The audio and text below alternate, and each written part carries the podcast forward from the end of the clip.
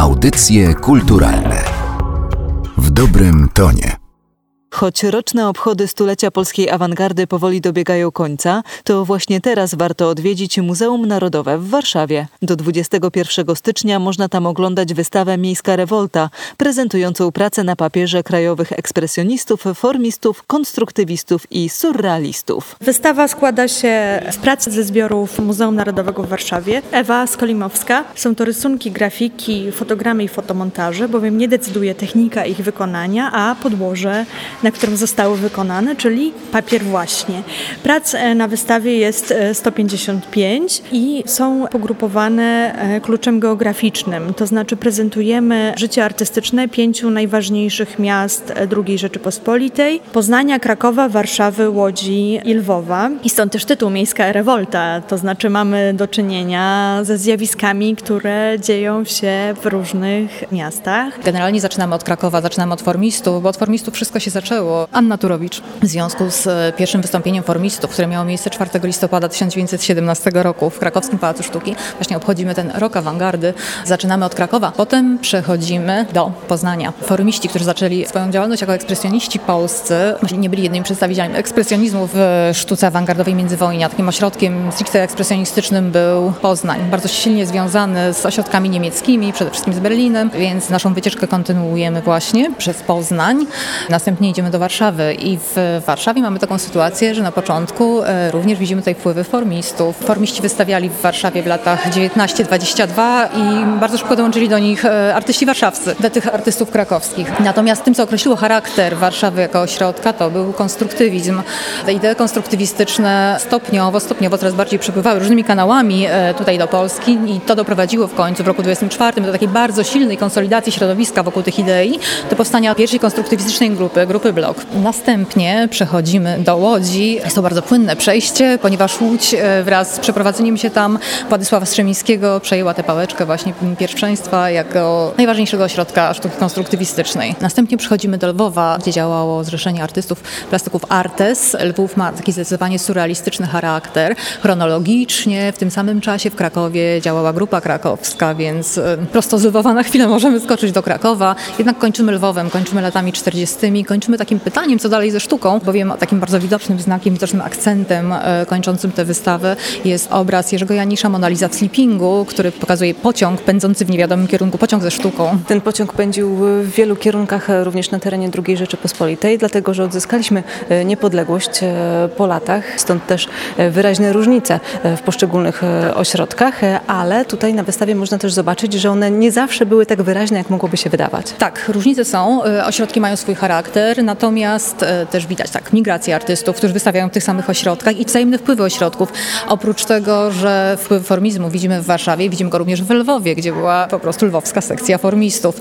Pewne rzeczy są takie nieoczywiste, na przykład e, w tece wydanej przez Zrzeszenie Artystów Artes, e, w tece, gdzie mamy autolitografię w bardzo takiej surrealistycznej stylistyce, znajduje się innymi bardzo konstruktywistyczny projekt architektoniczny Krzywogłockiego, w związku z czym charakter, tak, ośrodki mają charakter, ale są też takie nieoczywistości bardzo ciekawe, bardzo interesujące. Oczywiście istotnym faktem jest to, że Polska w 1918 roku odzyskuje niepodległość, więc życie artystyczne kształtuje się zupełnie w obrębie nowej organizacji, tak? Znaczy trzy e, prowincje byłych zaborów zostają połączone w nowy organizm polityczny, więc i życie artystyczne kształtuje się od nowa, więc tak, miejska, mamy miasta, natomiast rewolta. Artyści odrzucali tradycyjne sposoby przedstawiania sztuce, realizm i naturalizm. E, to był wymiar estetyczny tej rewolucji.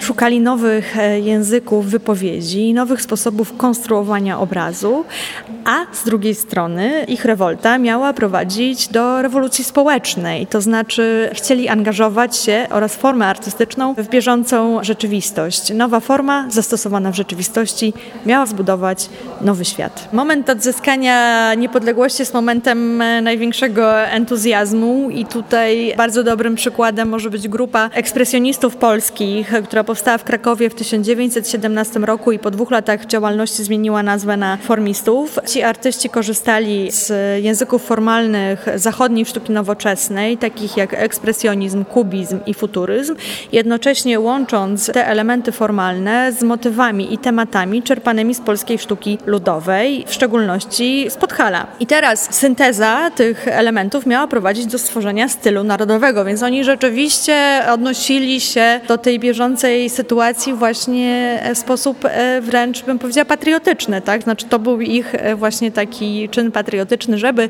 w tej nowej Polsce powołać do życia nowy styl młodego państwa. To się oczywiście nie udało, a to dlatego, że propozycja była zbyt eksperymentalna, to znaczy grupa rozpadła się w 1922 roku i sztuką oficjalną stała się bardziej uspokojona wersja tych formalnych eksperymentów w postaci grupy Rytm, której nie mamy na wystawie, bowiem nie była to już grupa awangardowa.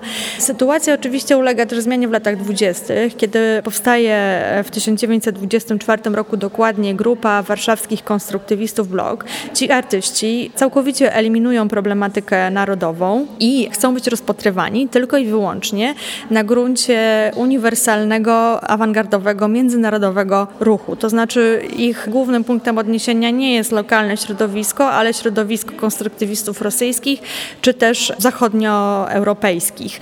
Z tego też wynika całkowita eliminacja przedstawiania w sztuce. Tam już nie tylko mamy do czynienia z eksperymentem formalnym, tylko z odrzuceniem jakiegokolwiek realnie istniejącego przedmiotu. To jest sztuka abstrakcji geometrycznej, wynikającej z obliczeń matematycznych, racjonalnej, ale w tym racjonalizmie tkwi pewna metoda, to znaczy zasady kompozycji wypracowane w przestrzeni obrazu, przeniesione później w rzeczywistość, miały ją kształtować na nowo. A w jaki sposób? No, można było zbudować zracjonalizowaną architekturę, czy też wnętrze, czy też wydać racjonalnie zorganizowaną treść książki. Więc jakby w ten sposób ci artyści próbowali od obrazu przejść do rzeczywistości realnej. Oczywiście jest to związane z optymizmem lat 20., kiedy utopie organizacyjne e, zyskiwały bardzo dużą popularność, natomiast lata 30. przynoszą kryzys. Poza tym zawsze, pomimo tego, że artyści chcieli rzeczywiście angażować się w to, co poza artystyczne, od razu rysowało się pęknięcie, to znaczy w jaki sposób nawet zbudowanie domu czy wydanie książki ma przebudować strukturę całej rzeczywistości, w jaki sposób mają zmienić. Tak? To była pewnego rodzaju próba wcielenia w życie utopii, która jest bardzo ciekawym problemem i myślę, że to jest właśnie ten punkt, który może służyć też ożywieniu dyskusji bieżącej, to znaczy w jaki sposób sztuka się angażuje, może się angażować w bieżącą rzeczywistość. W latach 30. wraz z kryzysem utopia społeczna ulega wyczerpaniu i artyści znowu eksperymentują e, z formą obrazu.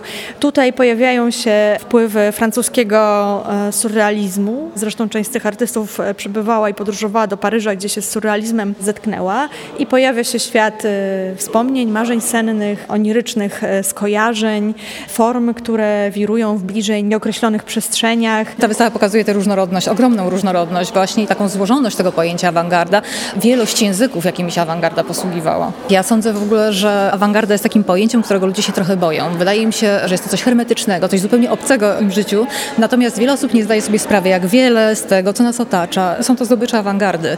Takie pojęcia jak utylitaryzm, jak funkcjonalizm, jak ekonomia środków, to są wszystko pojęcia wypracowane przez awangardę. Różne rodzaje obrazowania, mam tutaj na myśli typografię, mam tutaj na myśli film, mam tu na myśli reklamy, no bo trzeba wspomnieć, co może nie tym wiedzą, że artyści awangardowi działali również na polu reklamy. Jednym z takich głównych postulatów było właśnie organiczne połączenie sztuki z życiem. Reklama była jakby tutaj idealnym takim strumyczkiem, w którym te idee awangardowe mogły w życie wchodzić.